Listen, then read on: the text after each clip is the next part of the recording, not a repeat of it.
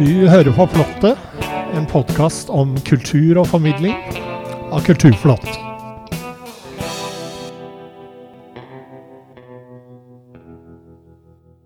Denne julen har vi besøk av hele 29 artister.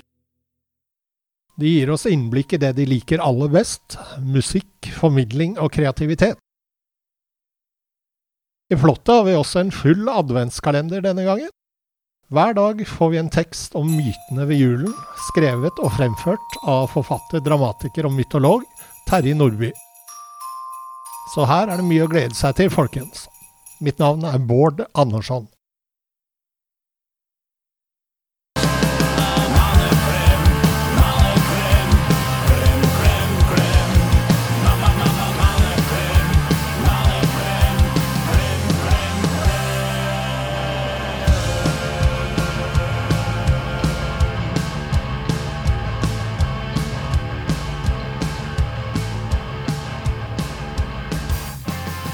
Artisten vi skal møte i dag, forteller om sin diagnose, og om hvordan den har fått betydning for hans virksomhet. I dag har vi vært så heldige å få besøk av Stig Mass Andersen, også kjent som Bifolar Superstar. Velkommen. Jo, takk for det. Eh, du er jo aktuell med singelen eh, 'Manneklem'. Gratulerer med det. Takk. Kan du fortelle litt om hvordan den singelen ble til? Ja, det handla om Rett og slett for noen år siden så hørte jeg om ei dame. Hun hadde gitt en kar en klem. Og så hadde han bare begynt å gråte. Og så sa han det at jeg har faktisk ikke fått en klem på flere år. Og det her var før koronaen også. Og da ble jeg sånn hvis det går karer rundt og ikke får klemmer som trenger det, så skal jeg skrive en instruksjonslåt til hvordan menn kan klemme.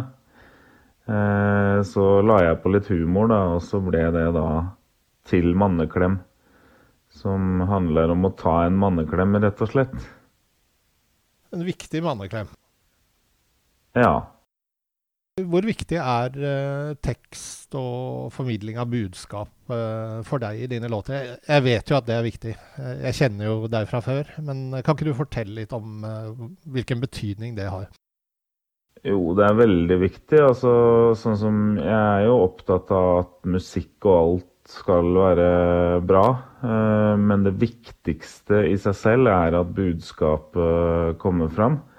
Jeg har jo en rød tråd i det jeg driver med, eh, som ja, handler om et budskap eh, rundt åssen vi mennesker kan ha det bra med hverandre. Eh, og ja, forskjellige temaer rundt det. Eh, så, så, tekst er jo veldig viktig. Det, det begynte egentlig helt når jeg var kanskje i begynnelsen av å spille i band så syns jeg alle var så opptatt av instrumentene og det instrumentale. Og da bestemte jeg meg for at da vil jeg bli god på tekst. Og så har det bare utvikla seg fra det, da. For du har jo et uh, artistnavn som er spesielt, da. Bipolar Superstar. Vil du si litt om det også? Ja. Det starta egentlig faktisk Ja, jeg har jo en bipolær diagnose. Og det starta faktisk en gang jeg var innlagt, hvor jeg kom på det navnet bare. Bipolar Superstar. Og så syns jeg det var Det klang så bra at jeg måtte bruke det nå. Og så ble det da artistnavnet. Det handler vel om at jeg egentlig ikke er så glad i f.eks. uttrykket psykisk helse og sånne ting. Fordi at uh, det blir så mørkt når uh, folk forbinder ting med det uttrykket. Uh, og jeg ønsker ja, I begynnelsen så var det på en nesten litt sånn opprørsk måte å bringe lys inn, da, og farve og, og, og sånne ting inn i inn i et budskap rundt, som sirkler rundt det temaet. Da. Så har det jo blitt mye forskjellig òg. Jeg har jo gitt ut bok. Eh, jeg har vært med i dokumentar. Det er, og da er det egentlig hele veien at jeg har vært opptatt av språket. Da, at jeg har eh, språket i min makt og, og, kan bruke det til å formidle det jeg vil. da. Du har skrevet leserinnlegg òg? Ja, det var sånn hele greia begynte. Uh, jeg var litt Det er jo helt tilbake til 2011, faktisk. Eh, så var jeg litt sånn forbanna på åssen psykisk syke ble omtalt i media. Eh, rundt 22. juli og sånn. Eh, og så skrev jeg et leserinnlegg. Men da, på den tida, så visste jo ikke folk engang at jeg hadde den diagnosen. Så det var mange som oppdaga av kjentfolk og sånn, som oppdaga da at jeg hadde vært psykisk syk gjennom VG, da. Så det var en litt sånn absurd måte å på en måte bli åpen offentlig på. Men da fikk jeg en utrolig god respons på det, den kronikken. Eh, og dermed så ble det til eh, at jeg tenkte at OK, hvis jeg kan uh, sette fokus på ting på denne måten her, og få den reaksjonen, så, så, vil jeg fortsette med det, da. Og nå spiller du og holder foredrag og Ja. For tida er det veldig mye foredrag eh, som det har vært. Eh, jeg har jo holdt på nå i snart ti år, men det er faktisk først nå det ser ut som jeg kan komme til å kunne leve av det her, da. Uh, og det er jo veldig gøy etter å ha jobba for det såpass lenge. Uh, og ikke minst det at jeg da når ut uh, mer. for første gang så hadde jeg vel Jeg hadde over fem foredrag på, på én måned. ja, nå rundt verdensdagen og, og sånn. Og det å få komme ut og, og gjøre det jeg kan og og treffe folk på den måten det gjør, det, det er veldig sterkt. Når, når, jeg er såpass opptatt av, ja, av budskapet og, og, det å nå ut, da. Det handler Foredraget mitt handler egentlig rett og slett om at jeg ønsker å uh, kunne starte den gode samtalen rundt det folk har å ta hensyn til i livet, rett og slett. Så det, det, går ikke kun rundt det psykiske helse-temaet. Det går egentlig rundt om man har noe fysisk eh, også. Eh, så, så, handler det om å få i gang praten. Og, og da bruker jeg, håper å si, gode historier. Jeg har med fire-fem låter. Og prøver å skape en opplevelse av det, da, rett og slett. Når du lager nye låter, eh, hvordan jobber du vanligvis kreativt? Det varierer, men det begynner veldig ofte med, med tekster. Um, og så kommer melodien sånn noen ganger samtidig mens teksta blir til, og noen ganger etter at teksta er helt uh, ferdig. Uh, nå i koronatida òg så, så, har jeg fått til sammen med et par andre eh, hva, skal, hva, skal, man si bandkamerater. Og fått til det å kunne sende hverandre filer og, og jobbe sammen på en ganske eh, fin måte. Vi har begynt å bruke et program som heter Soundtrap. Eh, hvor som så fort jeg legger inn noe, så oppdateres det automatisk med det samme hos den andre. Så det blir nesten litt som å jobbe i studio bare på nett. Og jeg i hvert fall aldri vært borti et program som er så bra å bruke, da. Så, så det øh, Før så dro vi jo Før koronaen så dro vi jo alltid i studio for å spille inn og sånn, men sånn som til singlene nå, så har jeg jo spilt inn ting hjemme, i, hjemme på et rom i, i leiligheten. Så, så, det gir jo en helt annen fleksibilitet, og også at man kan jobbe mye mer eh, Bruke akkurat den tida en trenger, da, kontra det å ha kanskje begrensa tid i, i studio. Så, så, det har vært veldig fint. Hva er planene for resten av året og neste år nå? Resten av året er egentlig å begynne å planlegge neste år. Pluss at jeg har noen oppdrag, da. Eh, noen foredrag. Eh, men planlegge neste år. Jeg håper å holde enda flere foredrag til neste år. Så jeg driver og legger opp det da. Og også gi ut flere låter. Vi har mange låter liggende som, som jeg syns har et kjempegodt potensial. Så det skal jeg gjøre ting med. Og også bygge opp litt ting rundt det jeg driver med, da. Ja, det er ikke noe konkret ennå, men litt i kontakt med, med management og, og, sånne ting for å kunne ja, bygge ting rundt også. Det har jeg sett litt på, på viktigheten av. Når, når, det begynner å bli travelt og sånn, så, så, er det bra å kunne ha det på plass. Det nærmer seg raskt uh, jul. Uh, hva betyr julen for deg? Jula betyr mye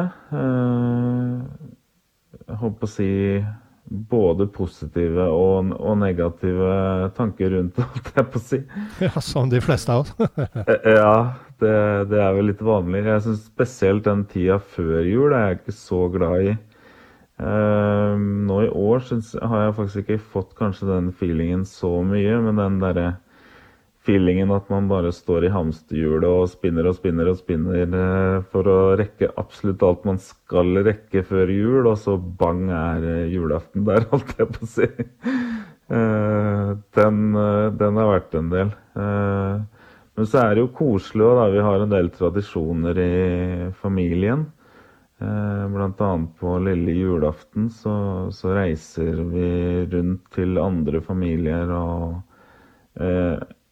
venn, venner av familien. da, eh, Tre andre vennefamilier. Og, og snakka med dem og oppdaterer oss på åssen det har gått. Og, og, nå med koronaen og alt som har vært, så, så har vi jo ikke sett dem uh, like mye som før. Så sånn som det er, blir jo da veldig koselig, da.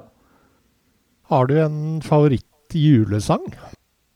Ja, det, det, er det vel uh, ingen tvil om. Det er den nordnorsk julesalme.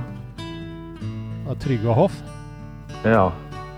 Men det er versjonen til Mod Moddi som, som jeg eh, liker veldig godt. da. Det er jo litt komisk, eh, egentlig. det Altså, Bipolar superstar handler jo også om at jeg kan bli manisk en gang iblant. Uh, og det var en gang hvor jeg var det, hvor jeg hang meg veldig opp i den låta.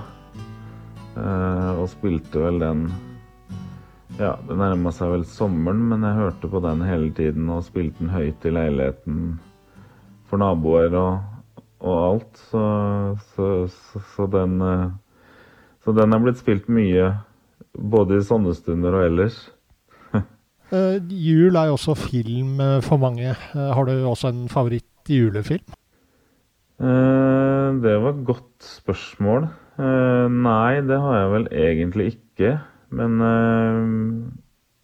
jeg tenker vel heller serier. Jeg har jo den gode, gode gamle Jul i Skomakergata. Den kommer man jo ikke utenom. Klassiker. Ja.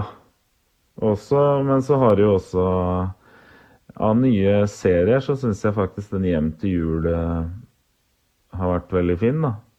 Jeg er usikker på om det kommer ny sesong i år eller, eh, eller ei, men, eh, men den syns jeg er kjempefin. Tusen takk for at du ble med i plottet, Stig. Eh, jo. Setter veldig pris på det. Bare hyggelig. Hyggelig å bli spurt. Da hører vi 'Manneklem' av Bipolar Superstar. Manneklem, manneklem,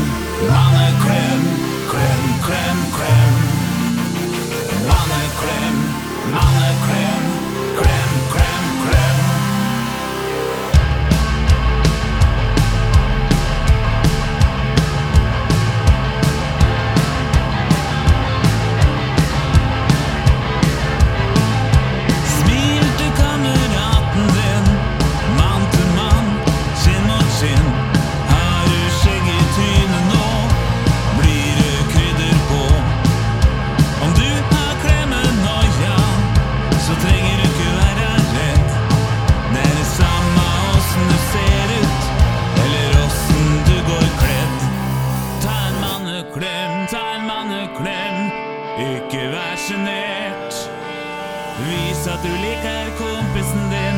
La han bli bombardert.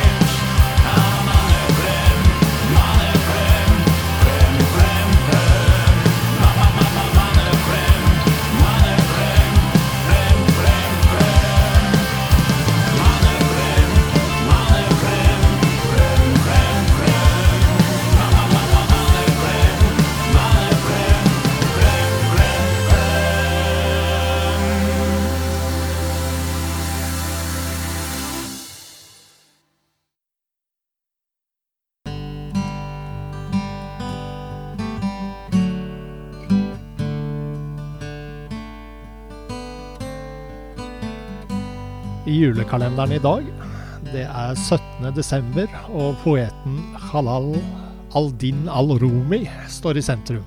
Terje Nordby forteller. De sørgende omfattet jøder og kristne, tyrkere, romere og arabere. Hver fremsa hellige ord etter sin egen skikk, fra lovens bok, salmene eller evangeliene. Muslimene forsøkte å jage dem bort med knyttneveslag, stokker og sverd. Resultatet ble et stort slagsmål. De fremmede ble spurt hvorfor de blandet seg inn i gravferden til en fremstående muslimsk helgen og vismann. De svarte at de hadde lært mer fra ham om de mysteriene som skjulte seg i deres egen religionsskrifter enn noen gang tidligere. Omtrent slik gjengir Jan Boyer Vindheim gravferden til poeten Jalal ad-Din al-Rumi, som døde 17. desember år 1273.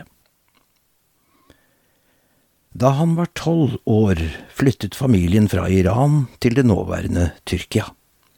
Han studerte sufisme, mystikken innen islam. Dere som tror, kom Gud i hu med stadig ihukommelse, og pris ham morgen og aften, står det i Koranen.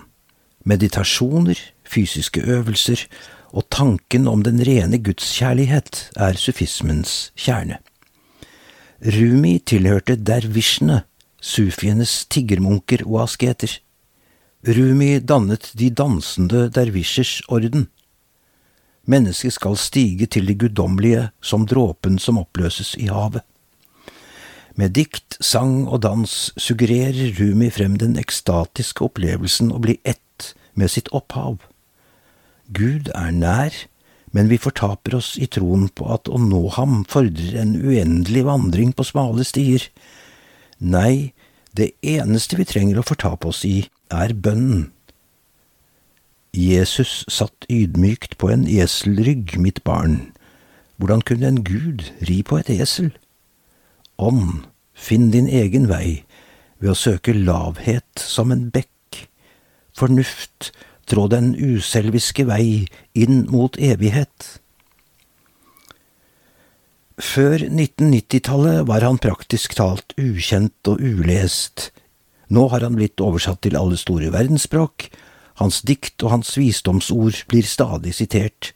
Han er en av verdens mest leste diktere. Essensen er enkel. Veien til guddommen går gjennom kjærlighet og hengivenhet, og den befinner seg så nær deg at den er vanskelig å se.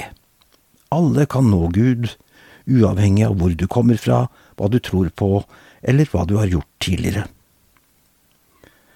Nå når den store julefesten står for døren, med den bivirkning at mange av de som faller utenfor de tradisjonelle familiemønstrene, føler seg enda mer ensomme enn vanlig, kan det være tankevekkende hvor inkluderende dervishen Rumi er når han lokker deg til sin dans. Kom, kom, uansett hvem du er. Vandrer, gudsdyrker eller rastløs elsker av avskjeder, det spiller ingen rolle. Vår karavane er ikke en fortvilelsens. Kom, selv om du har brutt løftet ditt tusen ganger, kom likevel. Kom, kom. Les daglige kulturnyheter på kulturplott.no, og få med deg dokumentarer, eksistensielt stoff og kultur i papirmagasinet Kulturplott. Plottet var ved programleder og teknisk ansvarlig Bård Andersson.